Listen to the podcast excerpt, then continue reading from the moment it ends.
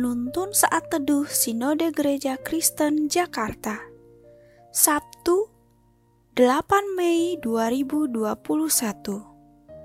Judul Renungan Karunia Roh Kudus.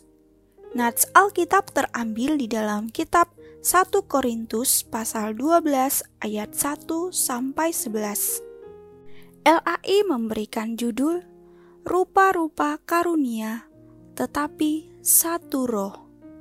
Sekarang tentang karunia-karunia roh, aku mau, saudara-saudara, supaya kamu mengetahui kebenarannya. Kamu tahu bahwa pada waktu kamu masih sebelum mengenal Allah, kamu tanpa berpikir ditarik kepada berhala-berhala yang bisu. Karena itu, aku mau meyakinkan kamu bahwa tidak ada seorang pun yang berkata-kata oleh Roh Allah dapat berkata, "Terkutuklah Yesus." Dan tidak ada seorang pun yang dapat mengakui Yesus adalah Tuhan selain oleh Roh Kudus. Ada rupa-rupa karunia, tetapi satu Roh, dan ada rupa-rupa pelayanan, tetapi satu Tuhan. Dan ada berbagai-bagai perbuatan ajaib, tetapi Allah adalah satu yang mengerjakan semuanya dalam semua orang. Tetapi kepada tiap-tiap orang dikaruniakan penyataan roh untuk kepentingan bersama. Sebab kepada yang seorang Roh memberikan karunia untuk berkata-kata dengan hikmat, dan kepada yang lain, Roh yang sama memberikan karunia berkata-kata dengan pengetahuan.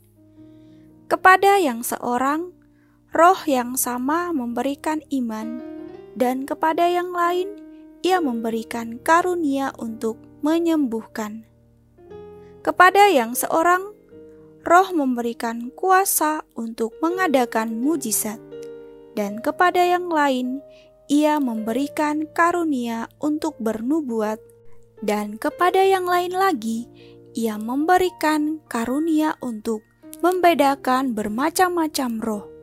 Kepada yang seorang Ia memberikan karunia untuk berkata-kata dengan bahasa roh, dan kepada yang lain ia memberikan karunia untuk menafsirkan bahasa roh itu.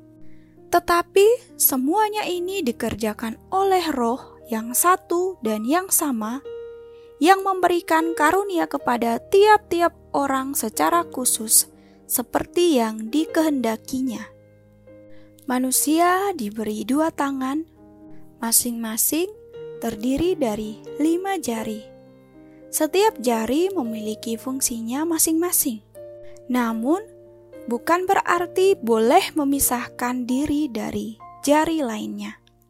Seandainya lima jari tangan berdiri sendiri-sendiri, saat bola pingpong dilemparkan kepada kita, apakah jari jempol, telunjuk, tengah, manis, dan kelingking masing-masing bisa menangkapnya? Tentu tidak, bukan? Namun, ketika jari-jari itu bersatu saat bola pingpong dilemparkan ke arahnya, maka dengan mudah bisa ditangkapnya. Itulah gambaran pentingnya sebuah kesatuan. Karunia Roh Kudus diberikan kepada kita agar kita dapat bersatu dalam membangun tubuh Kristus. Karunia-karunia rohani diberikan kepada orang percaya bukan semata-mata untuk kepentingan diri sendiri.